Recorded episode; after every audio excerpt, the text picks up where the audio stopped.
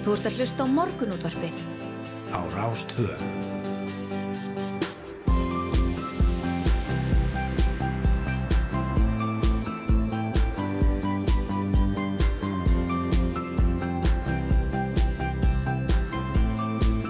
Morgunútvarpið Á Rástvö. Góðan og blæsaðan daginn, eh, Rúnar Róbertsson og Felix Bergsson helsa förstu dagur í dag 22. júli. Velkomin á Fætur. Já, velkomin að fætur öll sömul og já, ef þið kúrið áfram, það er bara heiðið bestamál líka. Já, já, já, já.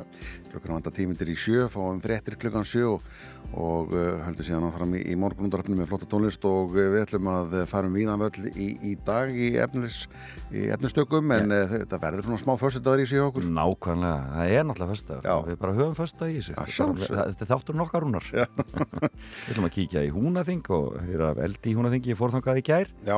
og komst þangað í dásemdar veðri. Já. Mikið gaman að koma að það. Maður náttúrulega sko, svona, maður þarf aðeins að beigja af þjóðvegi eitt, þannig að maður kemur ekki nóg oft í, í kvamstanga. ég fór í fyrst skipti bara í sumar. Það var mjög gaman, frábær, frábær veitingastæður hérna. Já, Sjávarborg eða Sæborg eða hvað það heitir já, já, já. og sem er hérna neyri við sjó og það var bara var, sko pakka, mikið að túristum og mikið stuð. Og, hérna, og mikið fjör í kringum þessa hátík greinlega og ég tók, uh, tók frangatastjóra hátíðarinn að tali, Þórun Ír Eliasdóttur ég sá mynd sem þú byrtir á hérna, samfélagsmiðlum í gær, Já. svipu mynd og, og ég tók því fór hana á köfilegi. Já, kaufélag, kaufélag vesturhúmendinga og það er svo gaman að koma í kaufélagin Já. svo koma, það er hægt að fá batteri nei, það er í, það er í, í búvörudeildinni. Og við fórum búvörudeildinni. Nei, það er í byggingvörudeildinni, það voru þrjár deildir. Það var algjör snill, þetta gæti gerið betra. Er alveg frábært að koma þarna og, og lappaði mitt inn í, í hérna, hvað það var húsasmiðan eða eitthvað slíkt sem er hana og hérna, og hörðurinn stóð sko húsasmiðan, átvjöfaver og um, svo, svo, vilja menn ekki fá hérna átvjöfaverin í, inn í maturveslanina því að þetta fer svo, í- svo illa saman Nei, akkurat, þetta er bara allt, á, allt í samkrulli þarna eins og á flestum stöðum já, á landinu. já, það er bara. Frábært. Svo ætlum við aðeins að heyra í manni sem er að synda frá Vestmanni mjög til landegar. Já, einmitt, hann er að Sanda. synda yfir til landiðarsanda, hann er ekki inn í höfnina en Nei. hann er að að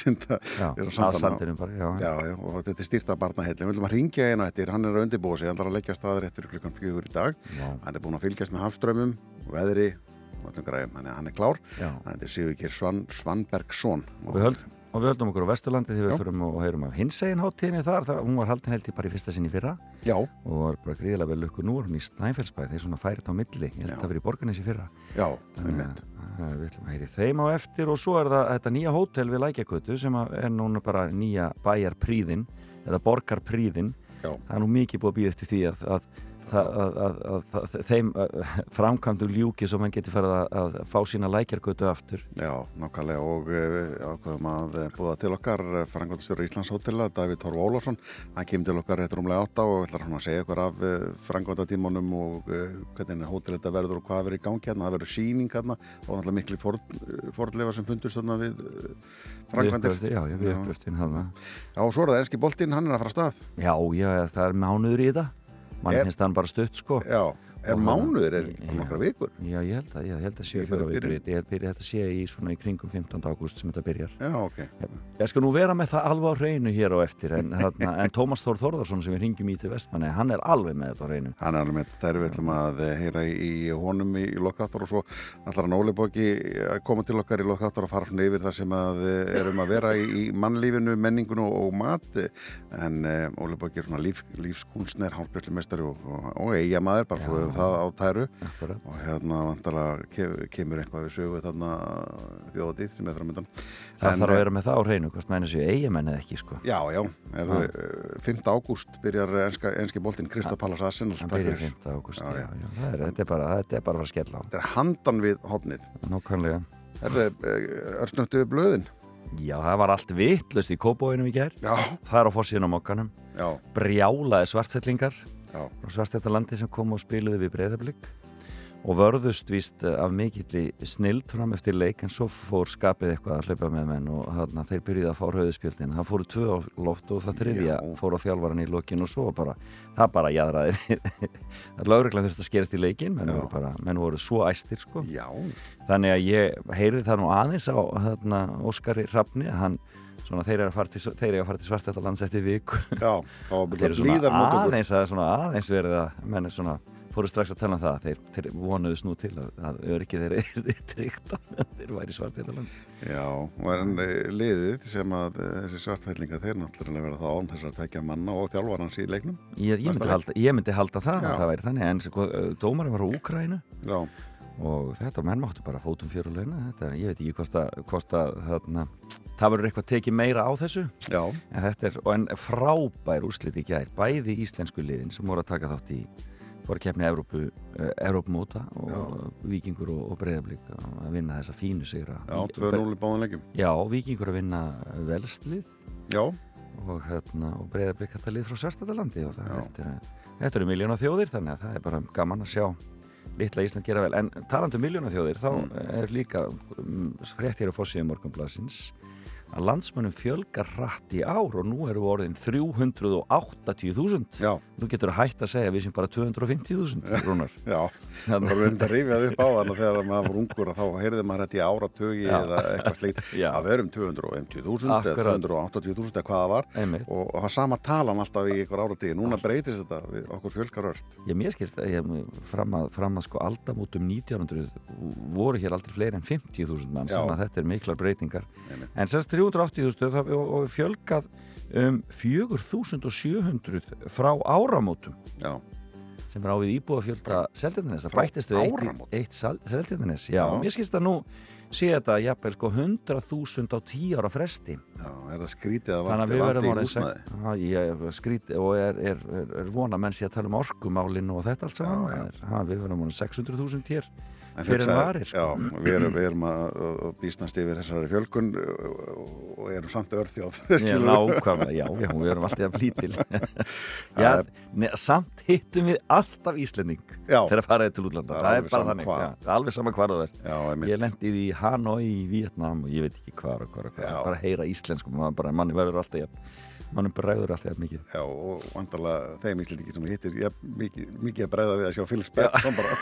Einhvers staðar það er á þannig, að minni mig á söguna hérna, sem að leikarinn bandarskili Kreimir í Já. hann fór í frí frá allir þegar Sænfeldáttinni voru svo vinsalir að hann fekk hvergi frí í bandaríkjanum og hann var svo vinsæll hann Michael Richards. Og, og hann fór einhvers staðar í sko Suður Ameríku inn í einhvern regnskóin einhvers staðar lengst inn Já, og hitti þar einhvern ættflokk sem að uh, var ekkert mikið inn í vestrættu menningu og svo heyrðist allir bara Kreimar hann þátt ekki vona því á þekktu er Kreimarinn ja, almennlegt á uh, forsýðu frettablasins í dag uh, segir hérna áberandi fjölgun sterk efnaðara ferðamanna. Já, Ríkir ferðamenn eru fleiri hér á landi þetta sumar en áður, flestir frá Ameríku. Ferðalagi á landinu er enda tæpast fyrir millisetta fólk. Dýrtíðin er áveikjandi fyrir ferðarþjónustuna, segir henni milli fyrir svo. já.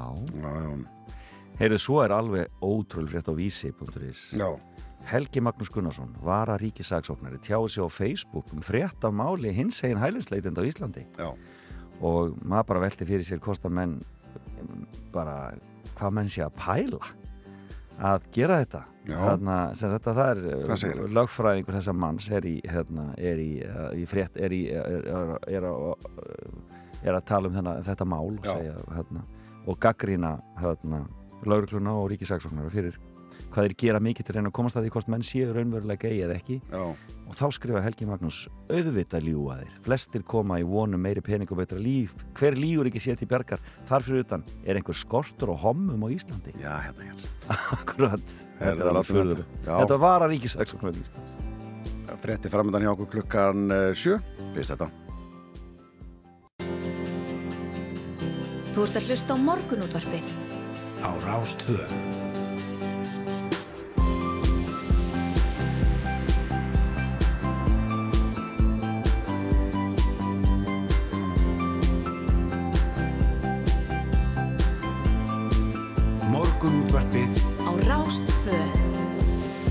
Það haldum við ánfram hér í morgunundarfinu og að þú varst að eh, kveikja þá eh, viljum við endilega, bara endilega bjóða góðan daginn. Rúnar Robertsson og Felix Bergson með þér hérna í morgunundarfinu í dag.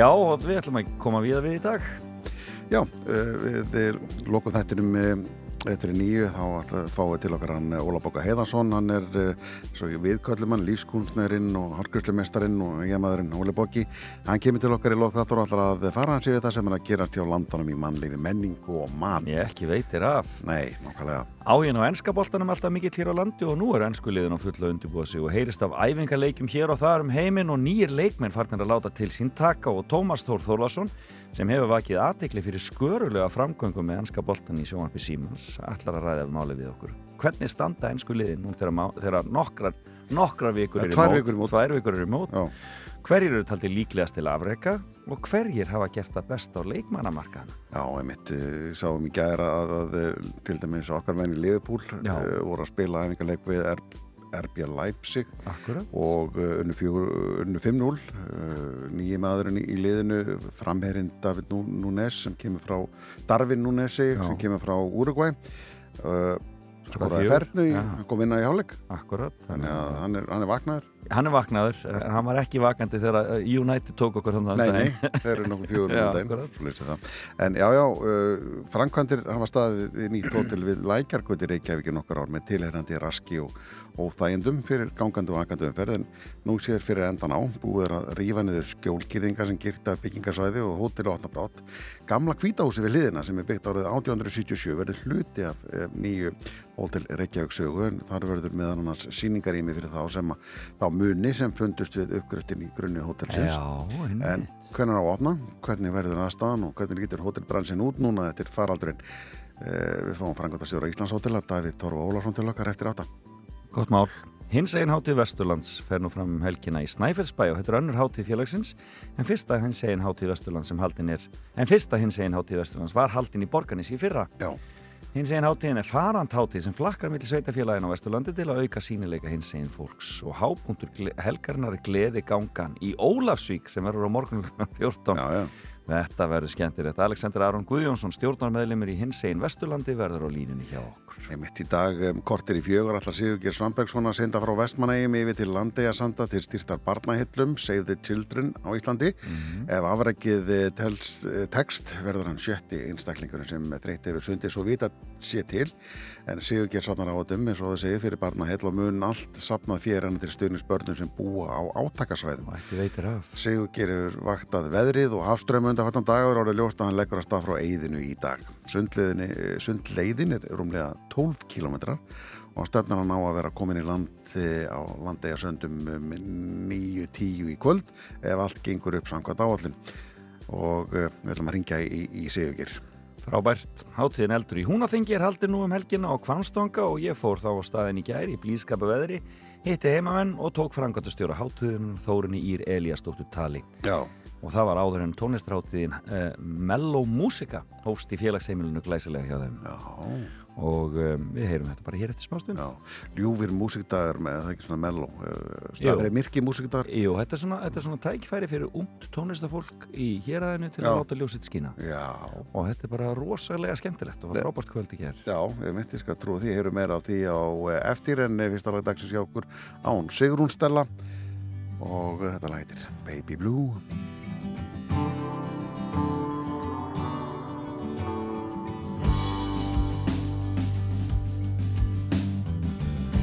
Blue, you have no clue.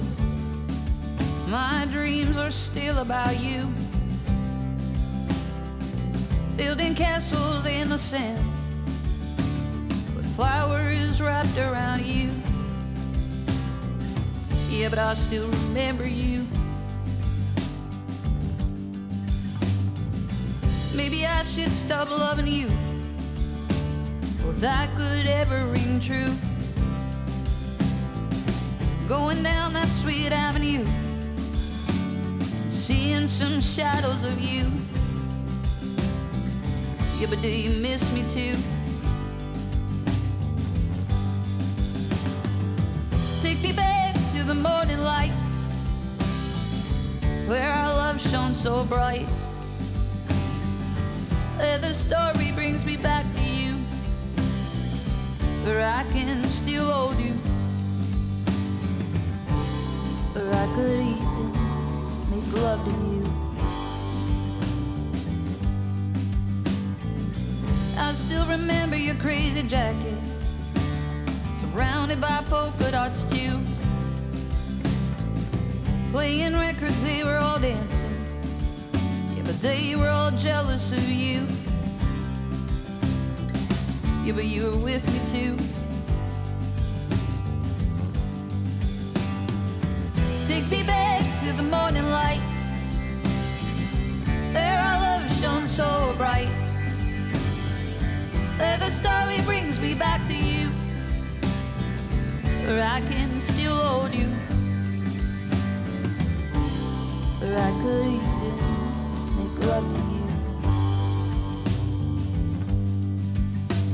But hold on, king and queens. All the stars will fall on you. An old school man still shining their shoes, cause they got work to do. Oh, yeah, but so do you.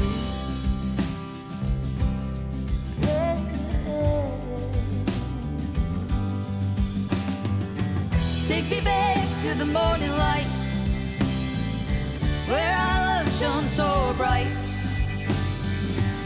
The story brings me back to you, where I can still hold you. Where I could even make love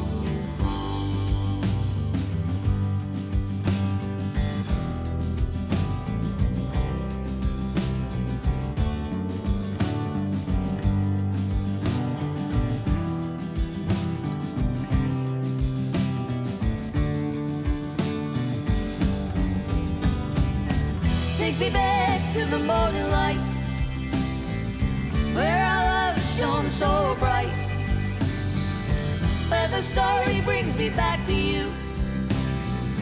Where I can still hold you. Where I could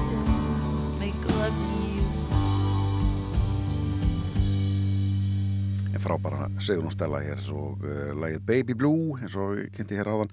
Þú maður að kíkja þess til við þess áður en höldum lengra inn, inn í daginn. Uh, hugleðinga viðfræðings þessan þennan morgunin eru á þann veg. Hægir vindar um helgina, skýjað með köplum og viða skúrir síðdegis, engum inn til landsins. Þókumóðaða súld við söður ströndina í dag og sumstaðar þókuloft við sjávar síðuna að næturlegi hiti 9 til 17 stiga deginum og hlýjast í einsveitum með öðrum orðum. Ágættis úti vistar veður og líkur á sólarglætum ekki síst á Norðurlandi og Vestfjörðum. Já, og við tökum bara höfumarkasvæði fyrir fyrir það sem að eh, verða í borginu um helgina. Hægviðri og þókum og það súld en þá náttúrulega skúrir eftir hádegi skýjað með köflum á morgun en þurft að kalla hitti 9 til 14 stig. Já, og Siggi Stormur hann er að tjá sig hérna, Um veðrið. já, um Nema veðrið, hvað. nema hvað í, í fréttablaðinu í dag og hann segir hérna þrálat eh, hæð suður í höfum hefur þröngvað hverri lægðin af annari yfir Ísland það sem af er júlímániði Uh, hann segir að hæðin svo arna muni gefa eftir í ágúst sem séu góðar fréttir fyrir okkur íslendinga. Háþrýstisvæði á hafsvæðinu vestur af Breitlandsegjum séu algeng en hafi verið óvinnulega þaulsætin þar um slóður á síðustu vikum með þeim afleðingum að tíðin hafi verið reysjótt á Íslandi.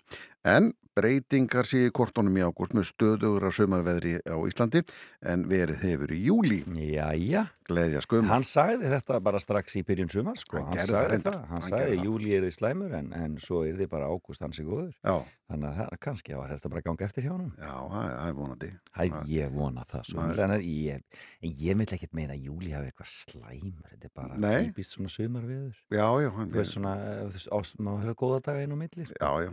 Ha, ríkur út í ís Þú þakkláttu fyrir það litla sem þú fær. Já, þegar maður fyrir 13 gráður og smá ljúfa norðanátt og sól í borginni þá fyrir maður að fæ sér ís sko. Já, það, Ha, það er bara svo lít. ekkert að tvínu og rýfur sig úr ofan rýfur sig úr ofan Ég hérna, ég mitt, ég hérna lendi því eitt haustið Já, að hérna, að, að fatt allt í einu hvað við erum öðru íslendingar heldur en, heldur en uh, gengur að gerist. Já. Því að þá kem ég út af hérna uh, Valdís, grandanum, með einn hérna, einn nýs í brauðþólmi Já.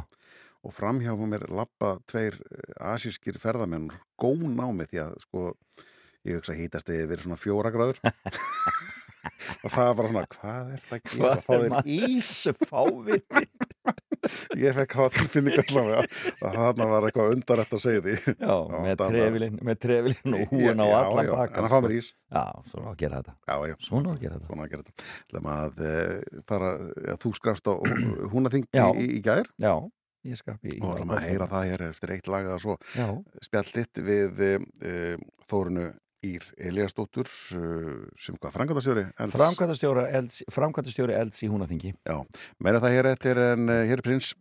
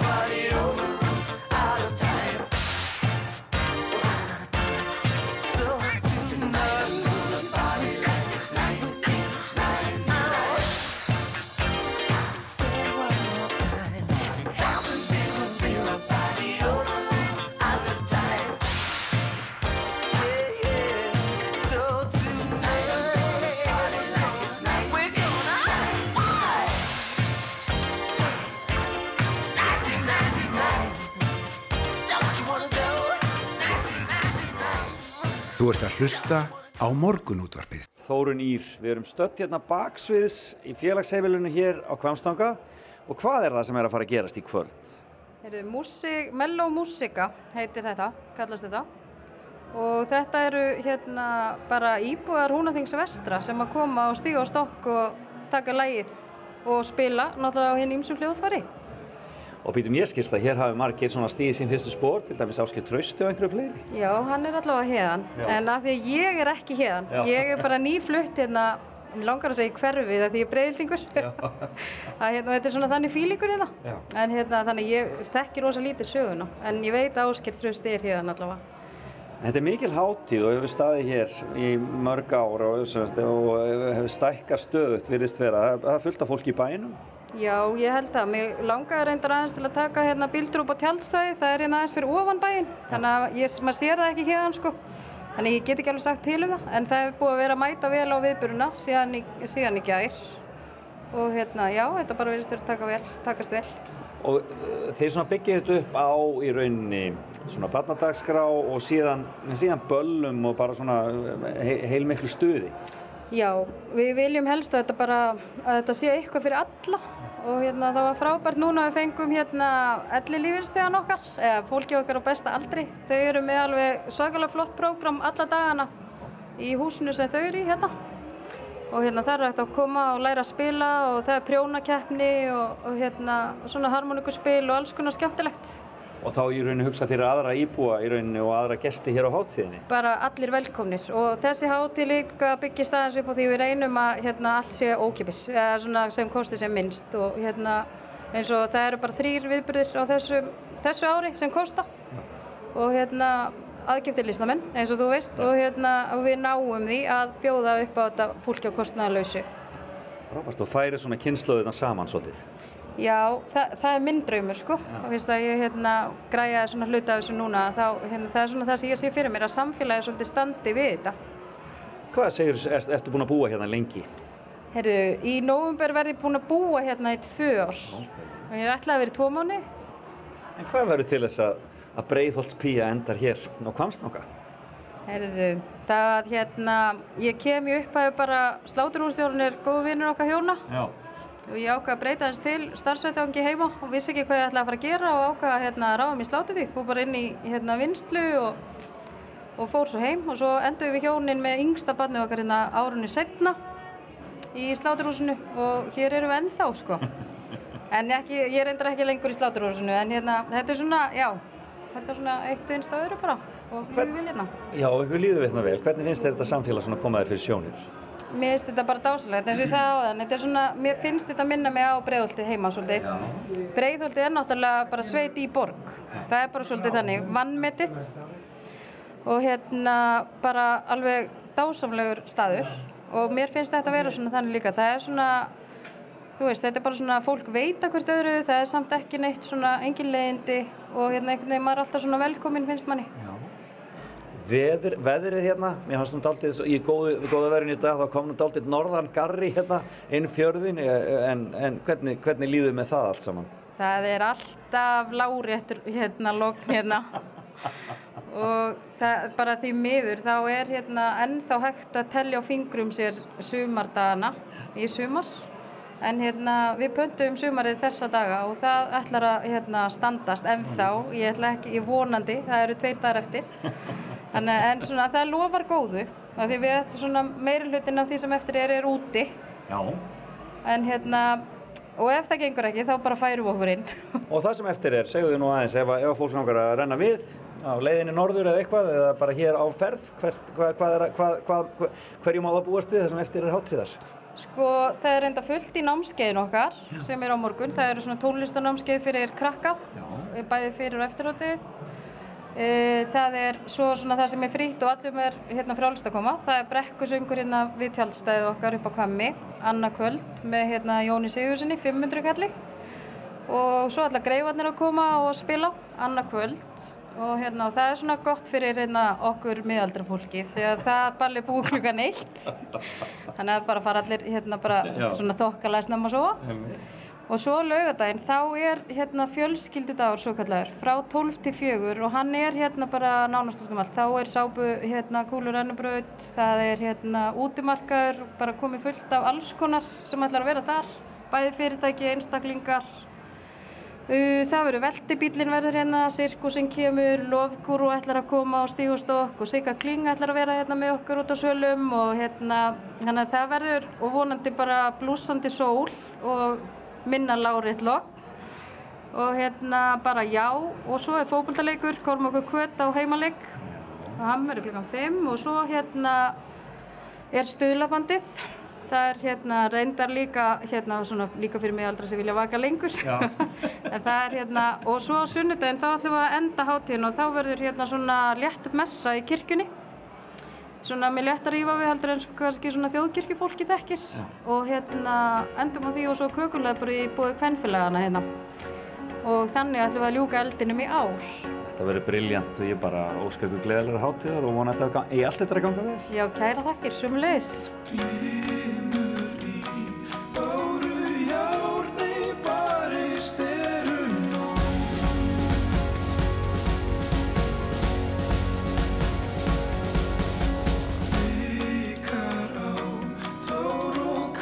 Skin.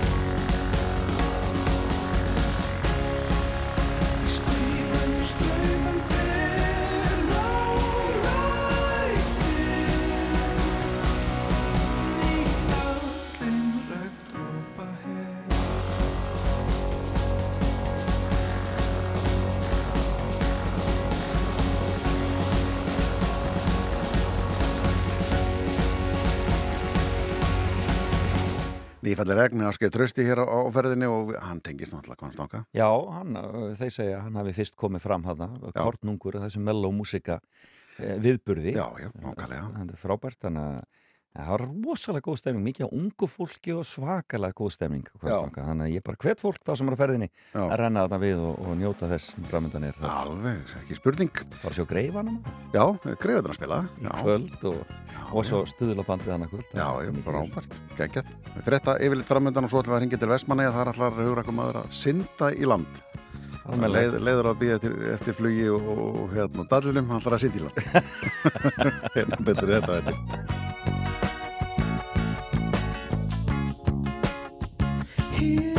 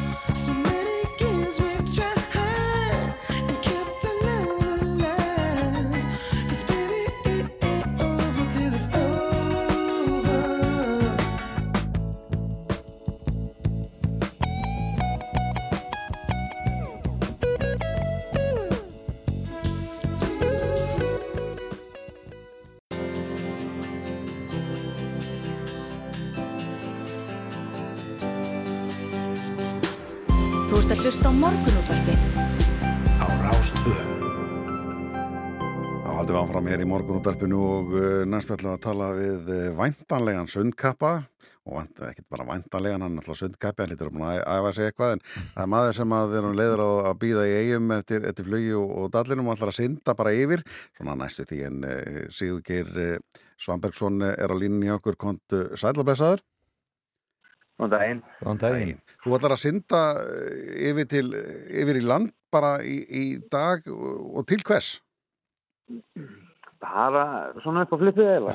nei, nei, ég, þetta er styrtaverkefni. Já, Styrtaverkefni sem erum í og, og ég hef gaman á svona bulli. já, að og hvað, hvað ert að styrkja? eh, barnaheill, fi- hérna, með áherslu á börn á átakasvæðin. Já, og hvern, hvernig er hægt að? Það höldu lengra. Það, uh, við erum með, við erum með Facebook síðu sem heitir sitt frá Vestmannheim og það er bara hlekkur sem að, sem að fyrir beint inn á, á söfnununa Já, og þetta er, þetta er allt mjög uh, þægilegt og einfalt. Þetta er bara, maður velur upphæð og svo kemur bara reikningur í, í heimabanka. já, einmitt. Ertu búin að synda mikið? Er þetta er þetta eitthvað sem þú bara gerir reglulega í sjósund? Já, mér finnst þetta mjög gaman sko. Ég er svona til til að nýbyrjaður á þessu að, að taka einhverja svona alvöru vegalengdir. Já, Ég er bara alveg kolfallin fyrir því sko. já. Er ekkert erfitt að synda 12 kílómetra í sjó? Já, ég ætla að gefa mér þessi jú, en Jú, jú, það er, og það er að skemmtilega líka sko. já, Það er svona, maður kynist sjálfum sér og svolítið, svolítið vel í svona aðstæðan og, og ég hef mikið áhuga á því sko. Já. Á, á hérna, styrk hugans og, og öllu svoleið sko. já. Og þú varst búin að liggja við ve- veðurspá og, og, og hérna hafströmmum. Eru þeir að bera þig aða landi í dag, hafströmmanir? Hjálpa þér? Ég, þeir, þeir kom í hliðin á mér Já, þannig að þetta endar líkli því að ég fari svona boga Já, ok. en, en hérna vonandi vonandi vísaði mér á Ísland það væri skemmtilega Það að skilja, já. skemmtilega að fara í hináttina. En hvað með, ég var að heyrta á svona sjóveiki í Já, svona einmitt. sundi, er það eitthvað sem að er, þú óttast? Nei, ekki tannig sko. ég gerði gerði hérna svipaði fyrir Já. það sýndi frá kollafyrði, eða sýndi yfir kollafyrði frá, frá hérna Kjalanesi og til Reykjavíkur og þá var ég held ég sjóveikur, ég ætla að kasta það mikið upp Já. Hvort, það var sjóveiki eða, eða matargjöfin, ég veit það ekki alveg. En, en þetta er ekkert sem ég hrættur við samt sko, Nei, það er bara ég En hver er svona þinn bakgrunnur? Hva, úr hvað írótt kemuru í þetta? Ertu, ertu sundmaður uh, í grunninn eða hvað? Nei, alls ekki sko. Ekki, ekki neitt, bara bara barnasund. Já, þannig að þetta er bara þetta er svona eitt af því sem að sem er það krefjandi að, að hérna að ég hef mikið áhugaði Já, þegar maður stígur úti þá, þá hættur ekkert að synda fyrir að komin að þurft sko nei, akkurat. og vantarlega fylgdarbátur og eitthvað svona með þér. Jú, það er fylgda bátur og, uh, sem, sem verður svona örgisbátur og svo er kajak sem að verður líka með Já, sem er að gefa mér að borða það svona neymitt. Þú ætlar að, ætlar að leggja staðar eftir fjögur í dag uh, og er komin svona cirka vilja níu og tíu. Þetta er, þetta er fleiri klukktímar í, á sundi. Og Já. hrættur. Já, ég er svona smá maður finnur alveg finnur aðeins fyrir þetta er að fara að gerast en Já, ég er meira spenntur heldur en eitthvað annað sko Já, miðaru við, miðaru við tvo kílómetra á klukkutíman eða hvað? eða? Já, ég er svona ég er bara mjög sáttur ef ég tækit eitthvað staðar milli 5 og 6 tímum sko Já, akkurat. Ert að uh, smyrja þig með einhver konar feiti eða eitthvað til að verja þig eða er það bara, bara látið vaða? Jó, ég set á mig hérna, þetta er einhver blanda ég veit ekki alveg nákvæmlega hvað er í þessu en þetta er Já. mjög þykkt og mjög ógeðslegt þetta, þetta passar upp á það að ég fá ekki núningsár og, og svona leðind ykkur Já, og verður þá í, í hönskum og skóm og einhver svona, sundskóm eins og sjósund fólk gerir. Nei, það er, ekkert bara svoleiðis. fyrir manni í svona löngu sko. Já, ég sé ja, það verður bara sótt öruglega sko. þannig að ég, ég er bara skilunni já. Og allar að koma, hvað allar að koma í land? Bara það sem þú hittir á, á, á sandin, einhver staðar? Já, það, já, það er eiginlega bara svolítið svoleiðis Já, Það- En er Þangað ekki að að- stað? Bara leggur að stað í höfninni bara eða Nei, frá Eyðinu. frá heiðinu? Eyðinu hann í Vestmanni. Þannig að menn geta mætt og kvartið að stað Já, það er hægt. Já, ef að fólk vil það. Ég verð þannig að ég ætla að stíga út í kortir í, kortir í fjögur. Akkur, já, e, hérna, er það, hefur það eitthvað með hafströman að gera? Hvenar þú leggur að stað, þú er búin að rekna það út hvenar hendar best. Já, þá eru þess að þrýr klukkutímar í, í liggjandan sem týðir, það að það er ekkert að gerast, það er milli, milli hérna, flóðs og fjöru. Já, og þá eru, það eru sérst akkur þrýr klukkutímar í það. Og ég vil vera svona cirka hálnaður þegar liggjandin kemur upp á það að, að fá hjálpina sérst yfir, yfir í land. já þegar mm. emitt, þú komin halva leið þá, þá kemur flóðið og ítið er rétt átt Já, já, Já, já, já Briljant, Þetta þetta er algjörlega briljant Já, afreg til, til hamingju þetta fyrirfram eh, Sigurgeir Sandbergsson og gangi er rosalega vel og nú aftur bendum fólki á að, að þetta er stýrt að badnahillum, segðu Children á Íslandi og, og hvað sér það er Facebook síða sem fólk fyrir inn og þar sér allar upplýsingar. Sint frá já, Vestmanniðum já, einmitt. Sint frá Vestmanniðum inn á Facebook. Frábært, gangi er rosalega vel Sigurgeir og bestu hverður uh, til þín Takk hjá fyrir. Takk fyrir. Takk og. Já, þetta er nú heldur betur afverksmaður þarna ferðinu Þetta er spennandi. Og hann mætti til að segja hann sé svona sund hetja Já, akkurat, glæsilega myndir á henni hérna inn á, inn á þessari Facebook síðu Já, og hérna í, í, í bara í allskins köldu vatni mann verið kalt að sjá þetta en já. þetta er, þetta er, og þetta er alveg magna svo fólk getur gert svona hetjur, eins og hann sagði að berjast við eigin huga og hann að slíkt sigra sin eigin huga talandi um sundhetju, þetta lag heitir það sundhetjan, þetta er Tómas R. Og Sigga Doll syngur fyrir Tulosius nema hvað, vel við hæfi. Svona kúpar Já, Ég sá hana fyrst Eitt sumardag í sundi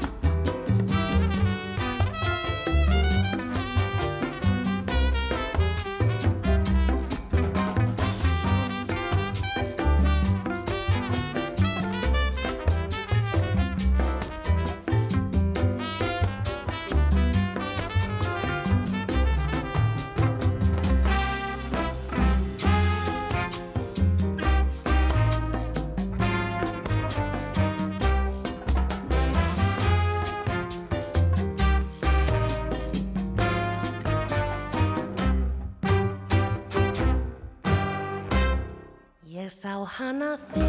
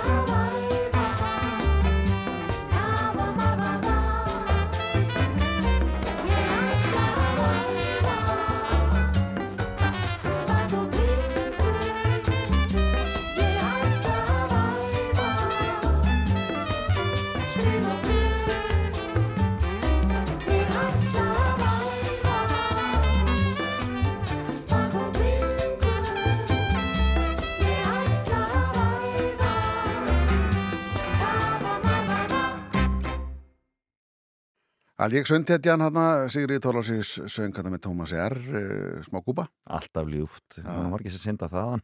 Já, hann gera það margir. Við vorum með að tala um, um söndhetjuna í Vespanegum sem er að fara að synda frá Eim og í, land hann séu ekki Svambergsson Já, hmm.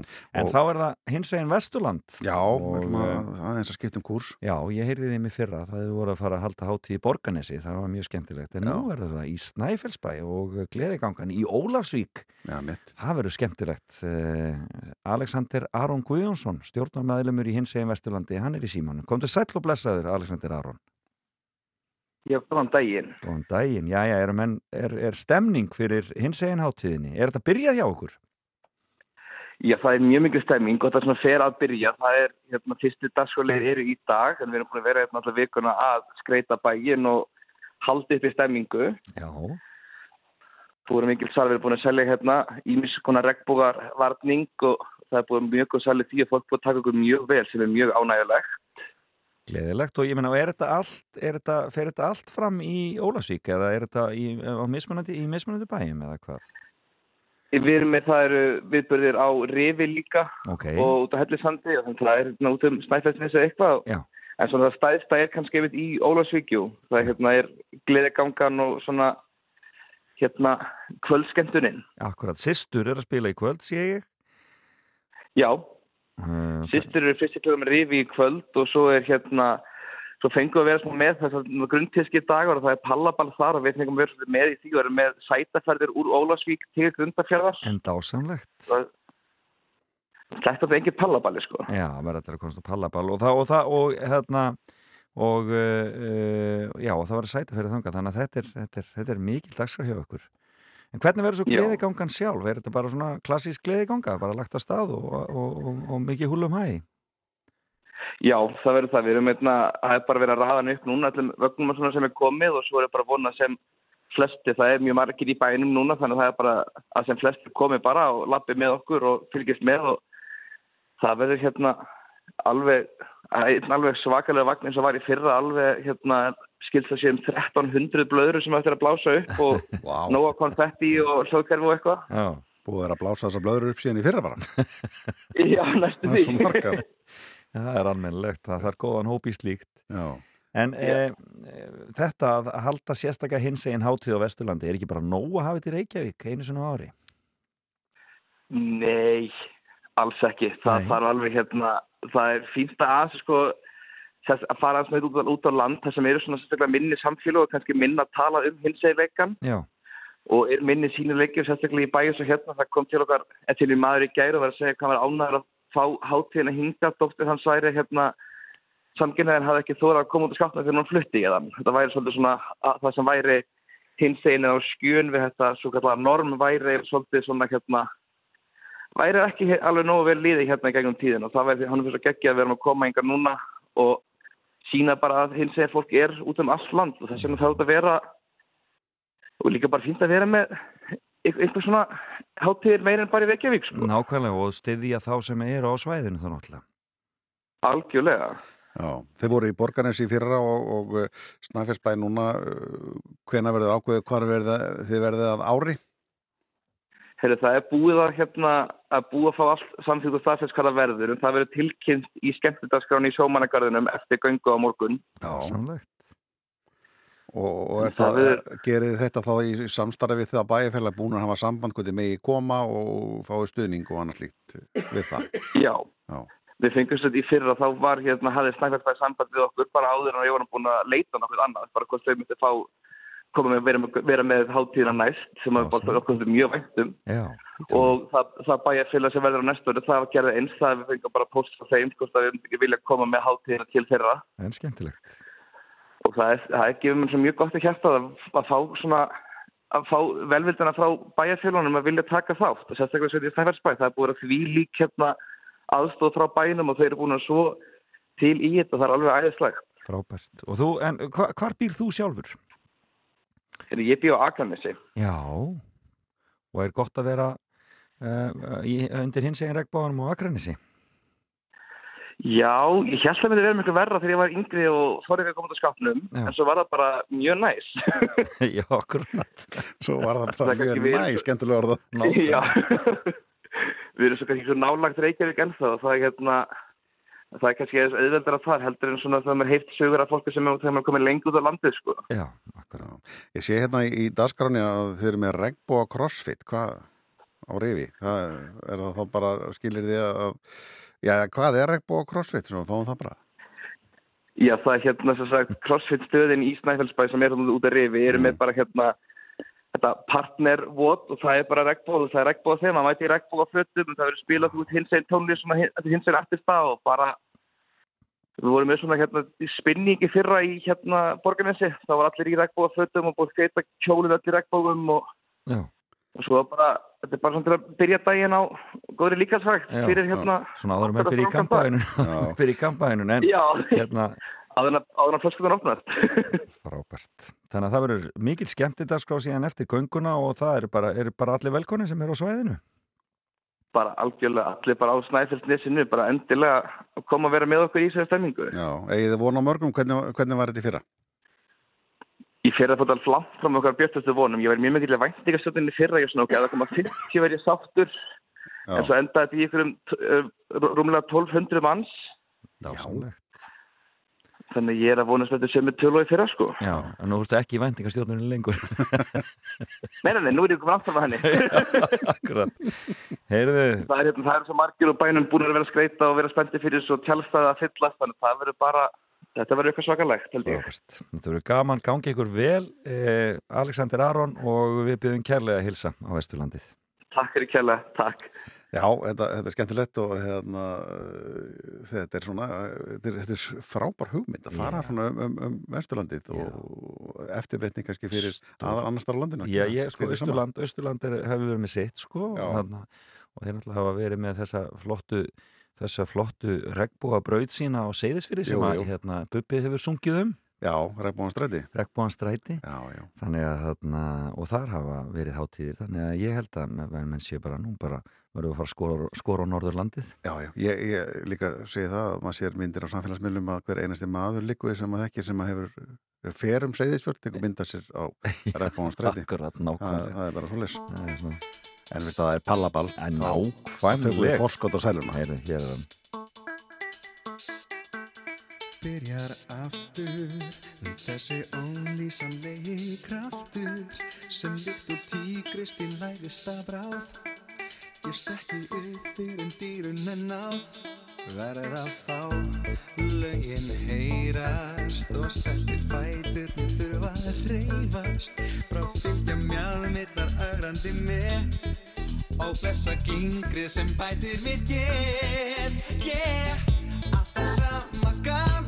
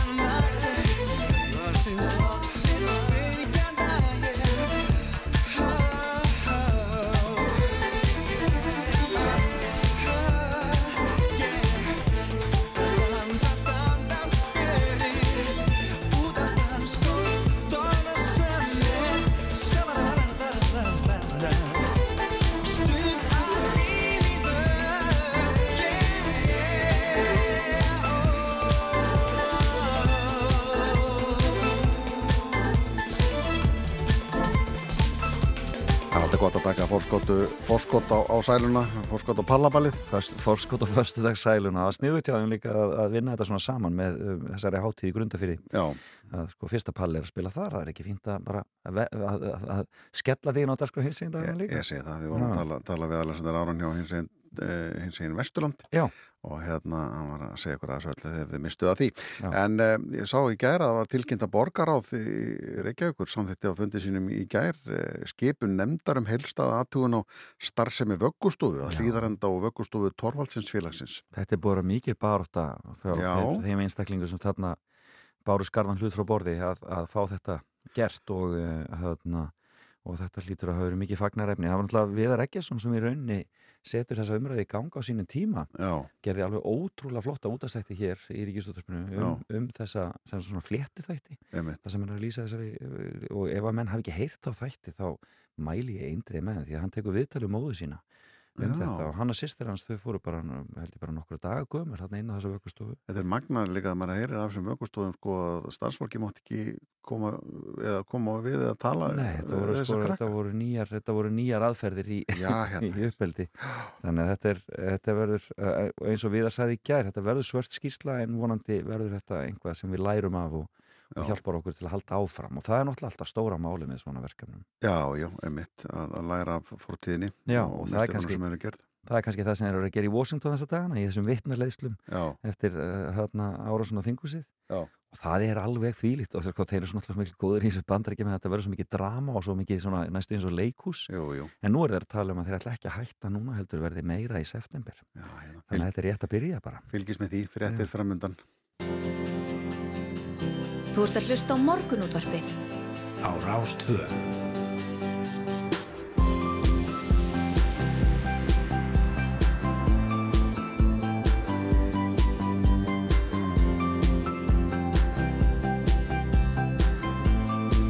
Morgunútvarpið.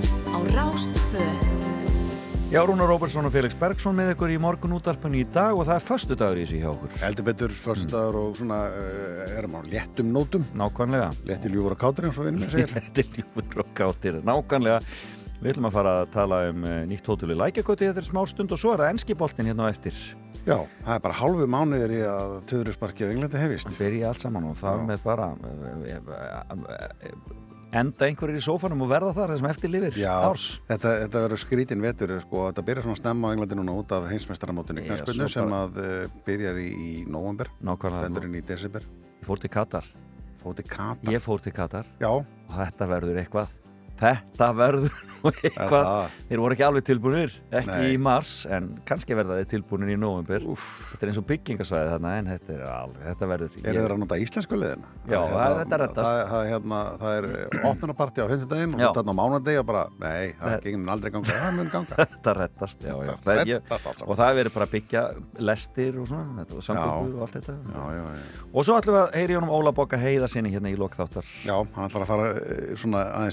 Eh, yfir, með okkur hvað er að gerast hjá landunum í mannlífi, menningu og mat? Endilega, alltaf, alltaf gaman að því en uh, áður við eh, snúum okkur að, eh, að eh, nýja hóteli við Lækjagötuna í Reykjavík að þá ætlum við að heyra Það er hún Klara Eilertóttir sem að eh, semur það, það heitir Eyja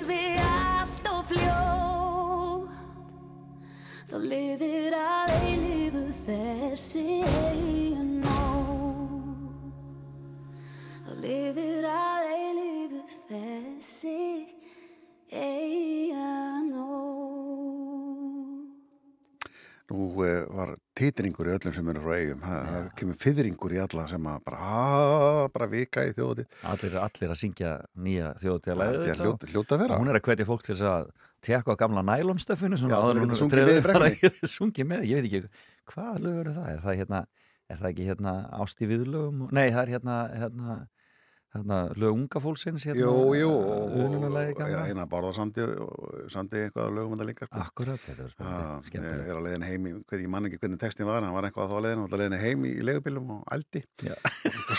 Þannig að læra það vel, þann, þá, þá línu ég það greinlega að læra hana betur.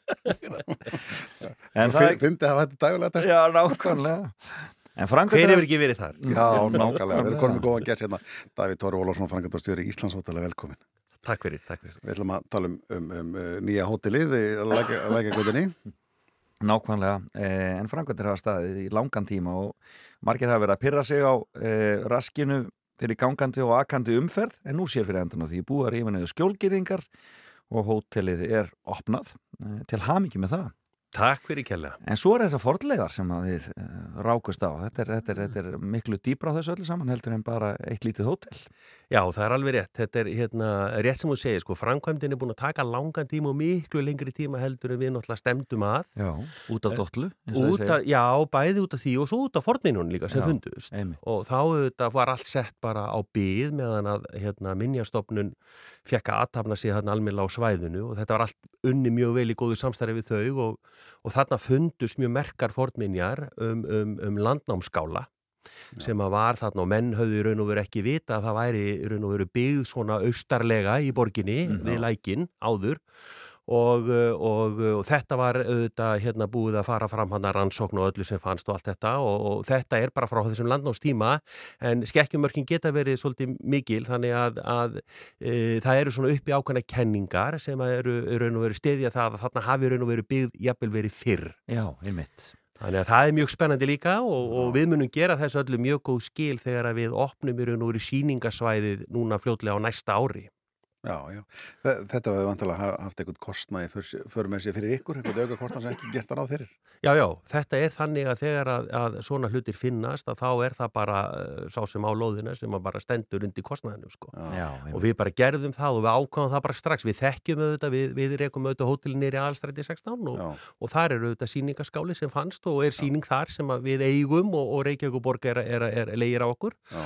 og uh, þannig að það er auðvitað bara hérna, ekkert vit í öðrun að vinna þetta bara í góðu samstarf og gera þessu góð skil sko. Það er líka, þú veist, sagan okkar er þannig að það, það er svo lítið af gömlu munum og öðru slíka að þegar þetta finnst það þá er svo mikilvægt að þetta sé, þessu sé haldið til haga. Alveg hárétt Hvað er, er þið trúið því að það er að, að, að samtíma fólk okkar í, í útastrekstri satt og spilaði plötur á aðarstöðinu og exinu Já. að þar fyrir neðan væri bara eh, landnámskáli undir bílastæðinu. Svona er þetta. En hóteli sjálft, þið- þetta er, um, uh, hvernig hótel er þetta? Er þetta luxus eða? Já, já, þetta er bara luxus eins og gerist bestur. Þetta er, þetta er fjárastjörnu hótel, Já. Hótel Reykjavík Saga og er hluti af okkar vörumerki sem er eh, Reykjavíkur hótelin eða Hótel Reykjavík. Við erum reykjum líka Hótel Reykjavík Grand og, og Hótel Reykjavík Centrum og svo Sögu og svo reykjum við þetta Foss hótelin sem eru bæði hér Reykjavík og vitt og breyttu landi líka. Og, va- og þetta sögunafn, er það, eh, þetta er náttúrulega sögulegt í, í hótelsamhengi á Íslandi en, en, en það hefur ekkit verið neitt mál að nota það. Nei, nei, sko, máli er að hérna, við höfum eins og segi, við höfum eigum þetta nafn Hótel Reykjavík og uh, þú, við erum með þetta, það eru mörg hótel sem heita ykkuru Hótel Reykjavík þetta og Hótel Reykjavík hitt Mhm. og, og uh, Foss Hótel Jökulsálón, það er til Hótel Jökull, það er alls konar svona til, þannig að, uh, og við erum að segja þetta mjög mikla sögu á þessum reit, þannig að við vorum búin að velta alls konar nöfnu fyrir okkur, en svo þegar þetta gerist með að Hótel Saga er að loka, þá auðvitað hérna bara fórum við svona í gang með það hvort að við getum ekki bara tekið og þetta er bara Hótel Reykjavík saga Já. Og, uh, og það bara var ofan á. Já, skemmtilegt. Það það, er, það er svona kingarkolli til sögunar líka. Já, akkurat. Já, er, er hérna, er það, Fylgur sagði hérna að þetta var búið að opna, það er, er, er það konin gestir eða? Já, já, það komi gesti núna í vikunni og, og hérna, við erum bara búin að- að opna sérst fyrsta hlutan sem Já. er þá gistir í minn Mhm. og þau eru verða alls 130 í, í, í öllum þessum byggingum. Þetta er allur reyturinn í raun og veru vonastrætti fjögur, það sem bílestæðasjóður var og síðan er þetta lækjagata 12, þetta er lækjagata 10, hvíta litla húsið þarna á hodninu Mhm. og síðan er þetta skólabrú 2. Já. Og það er gisting í þessu öllu nema í lækjagötu 10, þar verðum við með sagt, hérna, síningarými sem við munum sína þessa muni sem að fundust í uppgröftinum. Við verðum með svona opin síningarými þar sem við munum bjóða listamönnum og fleira að koma og verðum með síningar og svo verður kaffehús í Hjallarinn. Já. Þannig að, hérna, þannig að þetta verður svona reytur sem þú kemur og við erum með æðislega svalir á hótelinu í Lækjagötu 12 upp á, upp á 50 hæð sem þú gengur út og ert með útsýni sem þú hefur ekki svona séð svona alla jafna. Yfir tjörnina. Yfir tjörnina. Já. Alveg frábært að vera. Við verum þar með pergólur og, og markísur og hitara og hugulegheit sko og fólk situr þar og... Svona svo kallar rúftoppar eins og að kalla Akkurat sko. Já, já, já. Að, Og hvenær opnar þetta? Þetta verður allt opnað núna bara svona eftir miðan ágúst. Þannig að maður næri þessu kannski á maður Já, við stefnum að því. Já, náðum Stefnum flugvelda að því. síningunni þarna á, á, á rúftopparnum. Algjörlega. Já.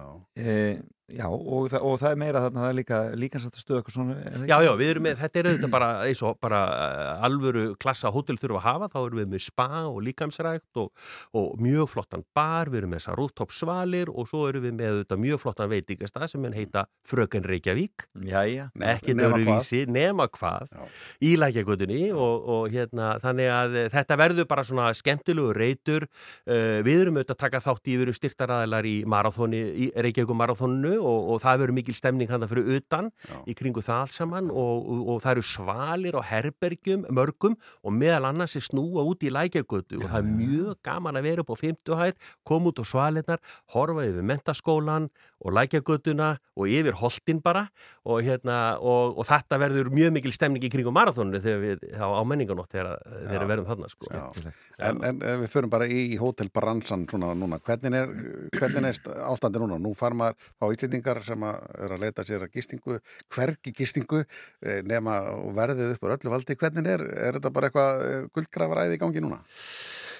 Nei, ég myndi nú ekki segja það, sko. Ég, hérna, sko, þegar að COVID-ið sildi yfir okkur, þá, hérna, þá gáttu við sem betur fer, haldið það nákvæmum hótelum opnum og við kynntum Íslandu auðvitað vel fyrir Íslendingum og vorum að kynna hana tíu nátta tilbóða sem fólk gæti verið að fá nóttin alveg nýri tíu skall, sko.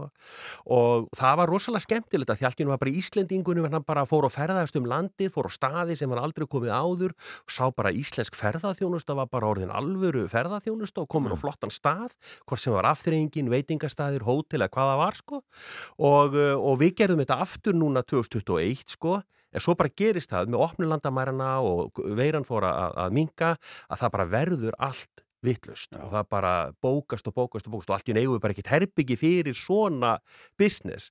Þannig að hérna og mikið af þessum bókunum sem að voru komin inn löngu áður þau voru sérst að koma inn núna. Þannig að bara, það er bara svona, ég ætla ekki að segja sé allt uppselt en það er mjög þétt á En hótelum þessi svakalugu verð sem fólk er að tala um, ég meina, er þetta bara, er þetta bara einhver, er þetta einhver mótel sem unnið er eftir eða er, af hverju verður þetta svona dýrt? Af hverju fer nóttin að kosta 65 skall á hótel á Akureyri, skilur? Já, já við erum eitthvað reyndir ekki hótel á Akureyri Nei, við erum bara að tala um bransan bara. Já, já, Já. sko, málega ég held að hérna, við vitum það að rekstur hótel á Íslandi hefur alltaf verið svona þröngur svolítið.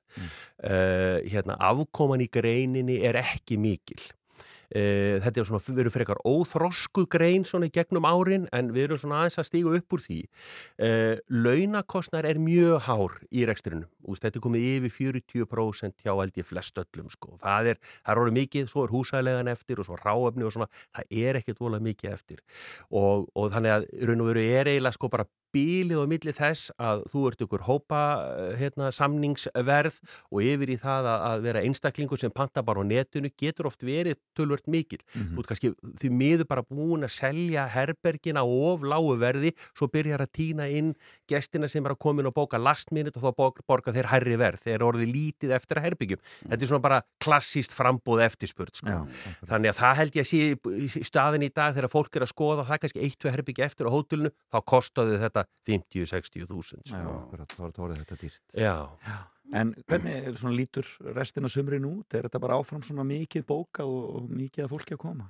Já, þetta lítur mjög vel út og veturinn gerir það líka Já. og, og, og þannig að við erum bara mjög bjart sín á þetta að, að þetta sé svona, við erum að ná okkur hraðar upp heldur við áttum von á.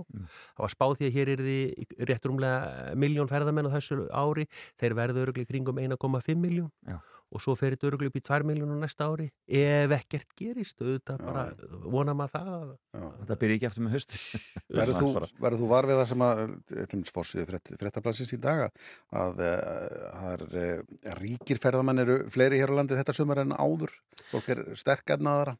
Já, við finnum það allavega hjá okkur að það er mjög stór, uh, bandarækjumenn eru langfjölmennastir í dag. Já. Já. og það bara er skýrist út af því að það eru tíða flugferðir hann fram og tilbaka, play er komið og síðan eru þetta eru amerísku flugfélagin og fljúenga líka.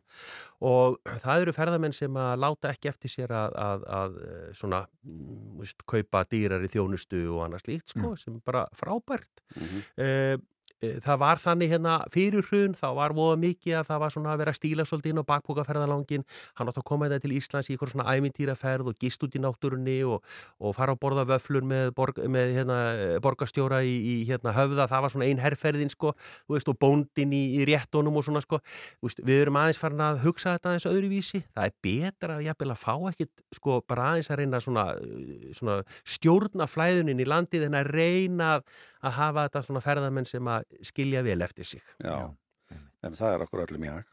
Algjörlega. Að fá það, fá það, að fá það inn, en, en uh, ertu búin að halda reysugili?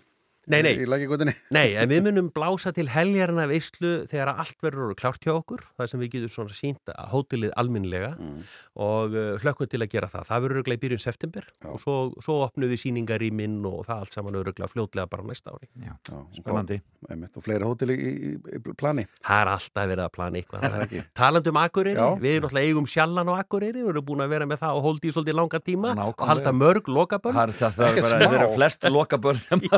er ég veit ekki hvað þau eru orðin mörg hann og alltaf, palli, alltaf er palli mættur og Já, já. lokapalli í sjálfanum Þannig að við, núna förum við að horfa til þess, nú vantar Hótel Akureyri, nú bara verður það næsta skref sem við förum mjög örgla og svo við verðum að fara að stækka Grand Hotel og svona, það er ímislegt í fram. Þið eru þá lofa að koma með nýjan sjalla Algjörlega, það verður sjallabarinn, absolutt. Ingi. Sjallabarinn, Já, já. Já, Davíð Torfi Ólásson, uh, frangatastjóri Íslands hótela, takk fyrir að koma til okkur og spjalla við, við okkur. Takk fyrir, takk.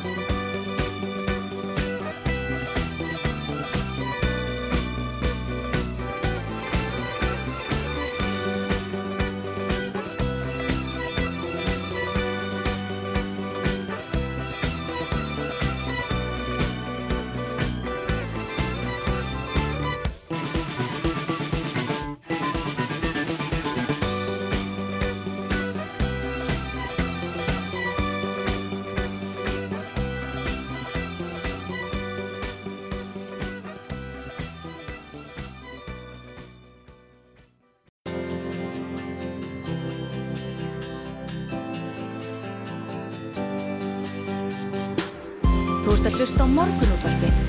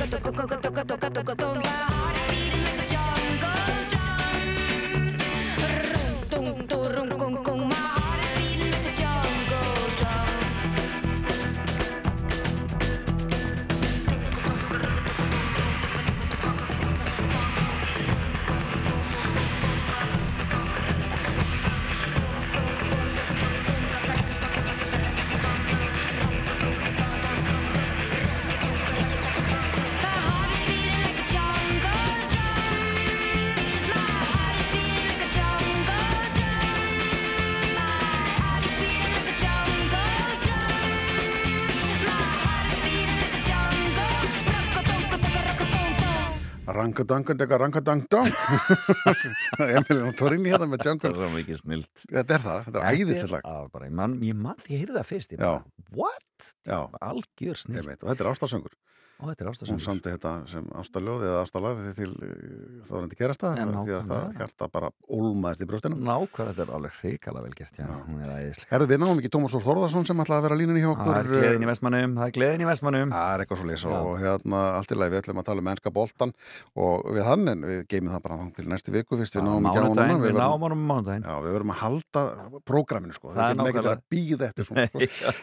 náum ekki á hann en eh, svona löflétt um mennska boltan hann alltaf hefst uh, á föstu degi í ár uh, og snemma Sannst, fyrsti leikur er, er klukkan 7 Kristal Palace Arsenal þann 5. ágúst næstkomandi Já. og liðin er búin að vera að styrkja sig heldur betur Arsenal búin að styrkja sig Gríðarlega, Chelsea, já. City búin að fá uh, Haaland. Nákvæmlega. Þannig að hérna, Erling Haaland að, það er mjög spennandi dæmi. Nákvæmlega. Uh, United með nýjan þjálfar og búin að styrkja liðið uh, einhverju leiti, Liverpool búin að fá sér nýjan framherja, farin þetta eru uh, mikla breytingar. Ég var að tala um manni gæðir sem hefur mikla trú á Arsenal en ekki eins mikla trú á Manchester United. Já. Þeir séu ekki alveg komnir, það tak- taki þá nokkur ára að byggja upp Ja, afturlið. tekur tíma, já, já. En, þarna, en Arsenal verði sé í rauninni svona hið, verði jafnir hið óvenda Já, Tottenham, þeir eru búin að styrkja sig og, ég, líka. og Chelsea gríðarlega sko, þannig að þetta, er, þetta verður alveg svakalegt mót held ég. Já, eh, Everton voru að spila í bandarækjunum við Minnesota eh, hérna liðið og uh, töpuðu 4-0 Já, þar eru menn sko að þar er varar lampart við því að, að, að þeir verði í neðri hlutunum Já. Þetta verði annað erfitt tímabil Já. þar. Já. Þannig að það er, þetta er og Nottingham Forest, þeir náðu Lingard. Er þetta Nottingham Forest komu upp og þeir eru búin að bæta þessi kaupa, 11 já, menn kaupa, kaupa, kaupa, kaupa. Það er mjög spennandi. Þeir ætla að halda sér uppi. En uh, lýts aftur móti að minna gerast þar. Þannig að þetta er svona, þetta verður, þetta verður mjög áhugavert og mjög uh, spennandi móti en það er, það er en liðin í efri, hlutanum eru virkilega að bæta við sig sterkum leikmannum Já. og Núnes kom allt í einu svakala sterkur inn hjá Leifupúli gær skoraði fjögur mörg á móti Leipzig og Leipzig er nú ekkert bara eitthvað lið það Nei, er nei. nú bara ágætis lið Darvin Núnes, eru með Já. 5-0 eh, Sala með fyrsta marki Já, þessi Carvalho kom þarna líka við sögu, þannig að þetta er það er, þetta er, það er spennandi sem er að gerast þarna. Já, fyrsta umferðin kannski fyrir, er þannig að Krista Pallas Arsenal í fyrsta leik og svo á laugadeginu með hátegisleikur Fulham Liverpool klukkan 11.30 Já. svo leikinni klukkan 2 Bormóð Aston Villa Leeds United Wolves uh, Newcastle Nottingham Forest.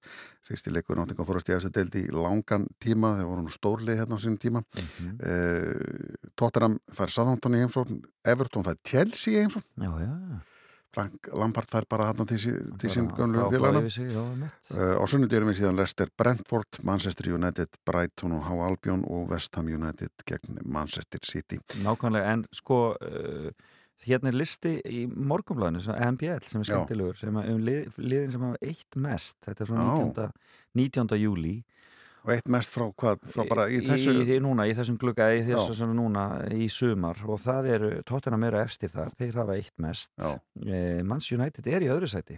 Með, hérna, fara líka yfir 100 miljón pundin eh, og ég veit eða ekki hvað það er sem að hérna, gerir þetta svona gerir þetta svona hérna, eh, mikið hjá þeim. En eh, síðan er það er Leeds í þriðasetti Liverpool í fjórða Arsenal og Chelsea. Já, Leeds í fjórðasetti mm -hmm. Já, það er ekki að kaupa eitthvað. Já, þeir hafa verið að kaupa eitthvað. Maður, ég er bara, það hefur eitthvað farið fram hjá mér. En e, það eru hérna, já, það eru svakalegar svakalegar hérna e, svakalegi leikmenn að koma í Manchester City, Calvin Phillips og Erling Haaland, þetta er ekkert smá ræði sko, Mhm. þannig að það er nú bara þannig. Já, já, og ætli, það er svona spurning hvað það er bara dóminir eða þessa deild. Já. En ef við tökum fram að við erum áhuga með þetta og ætlum að vera með sérfangulínir sem við náðum ekki í, Akkurat. sem að verður bara hjá okkur á mánudaginn staðin ef hann hefur tök á því. Eh, Þannig að þetta takið í öllu með svona smá fyrirvara það sem við erum að röfla sko. Þetta er bara svona hérna. okkar hugmyndir sko. Þau eru ekki endilega að endur spekla uh, í eina rétt Raunveruleikarana nákvæmlega nákvæmlega En hér á ettir ætlum við að eh, fá hann Ólaboka til okkar hann hérna kom til okkar síðasta fösta og fór svona aðeins yfir það sem er að gerast í á landanum í mannlifi, menning og mat og ætlar að gera það aftur núna og heyrim í honum hér á ettir en uh, Valdimar Guðmundsson og félagur í Lón. Eða næsta leikin er í tónlistinni. Þetta er lag sem heitir Reindeer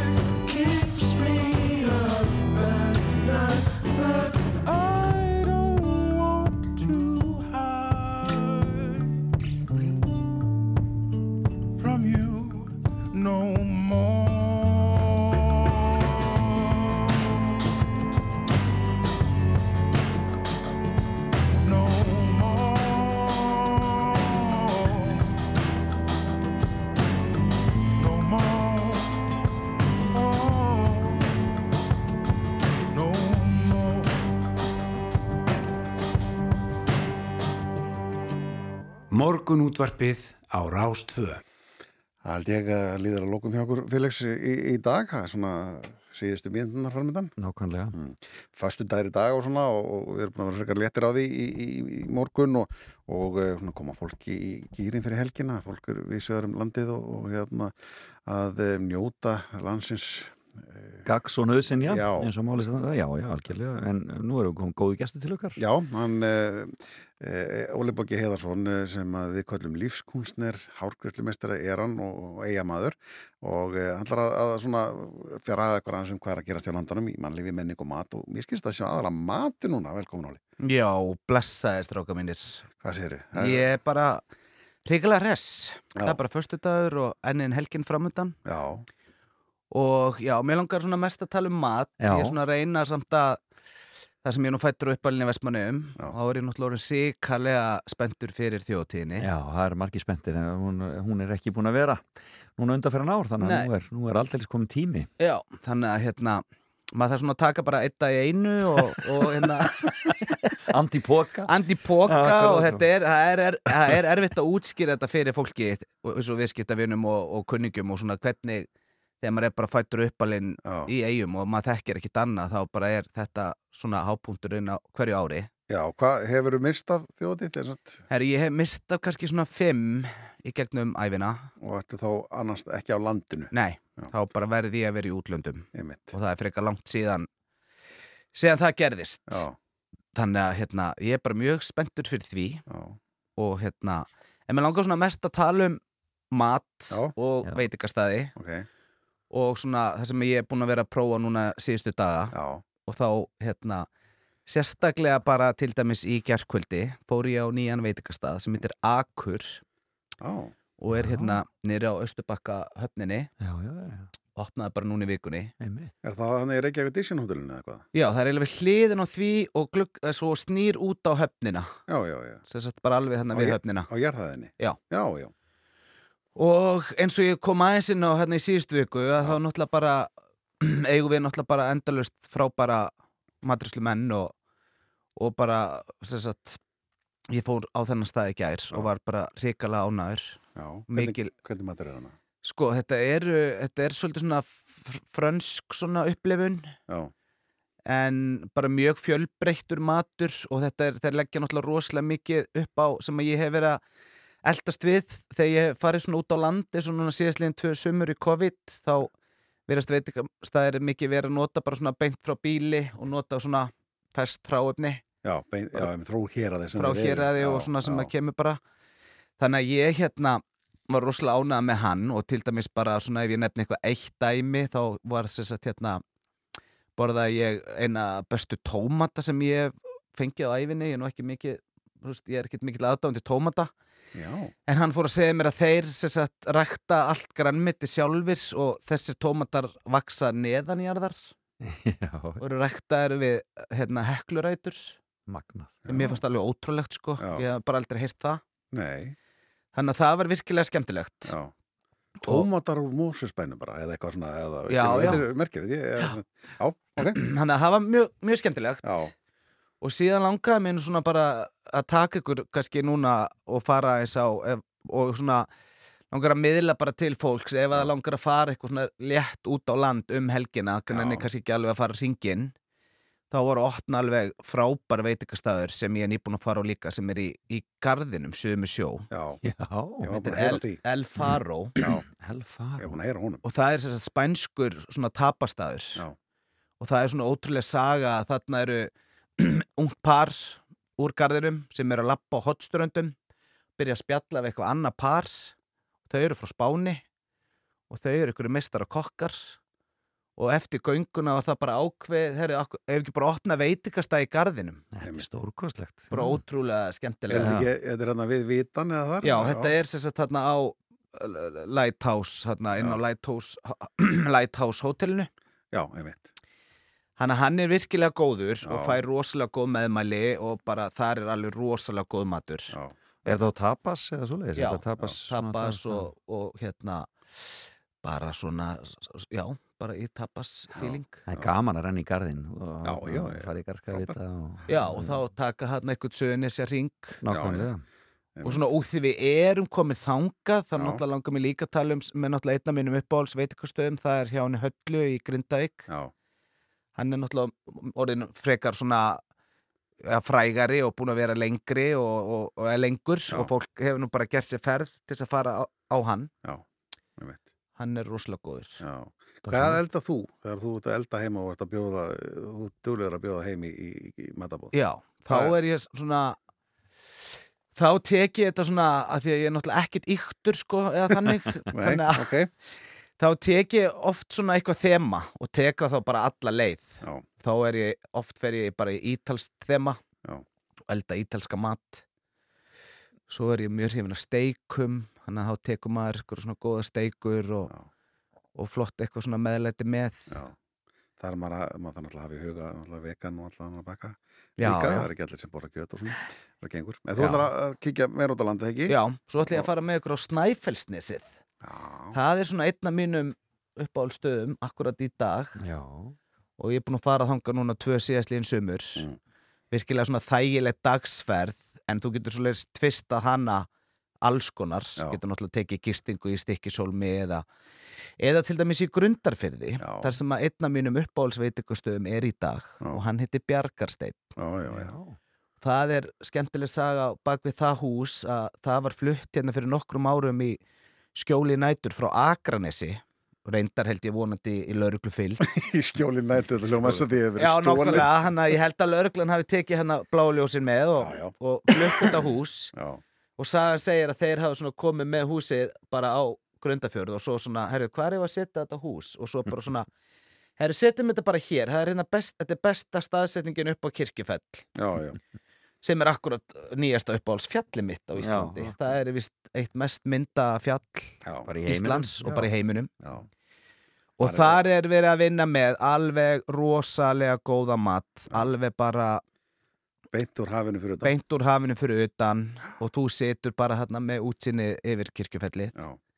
en svona á leiðinni kannski áður og kemur að grundafyrði þá keirur fram hjá Hellishandi það er líka rosalega góður veitingastafur sem heitir Viðvík hann leggur mikla áherslu á svona sushi Veist alveg magna hvað er mikið af Alveg. Já, Það gæti víða um ekki land. verið. Nei, og ég sá einmitt þar að það, nú ef að fólk ætlar að skella sig þangað eins og á morgun, þá eru hérna Eurovision systur að Já, spila já. þar í Já, já. fristiklefanum Akkurat Einmitt, sem er líka bara skemmtilegt að koma við þar og fá sér kaffi, geggja konsept sko Það- Ég var búin að kanna það eh, mjög, verið mjög gott viðar á Vesturlandi á morgun. Já, bara að hafa það í huga. Akkurat.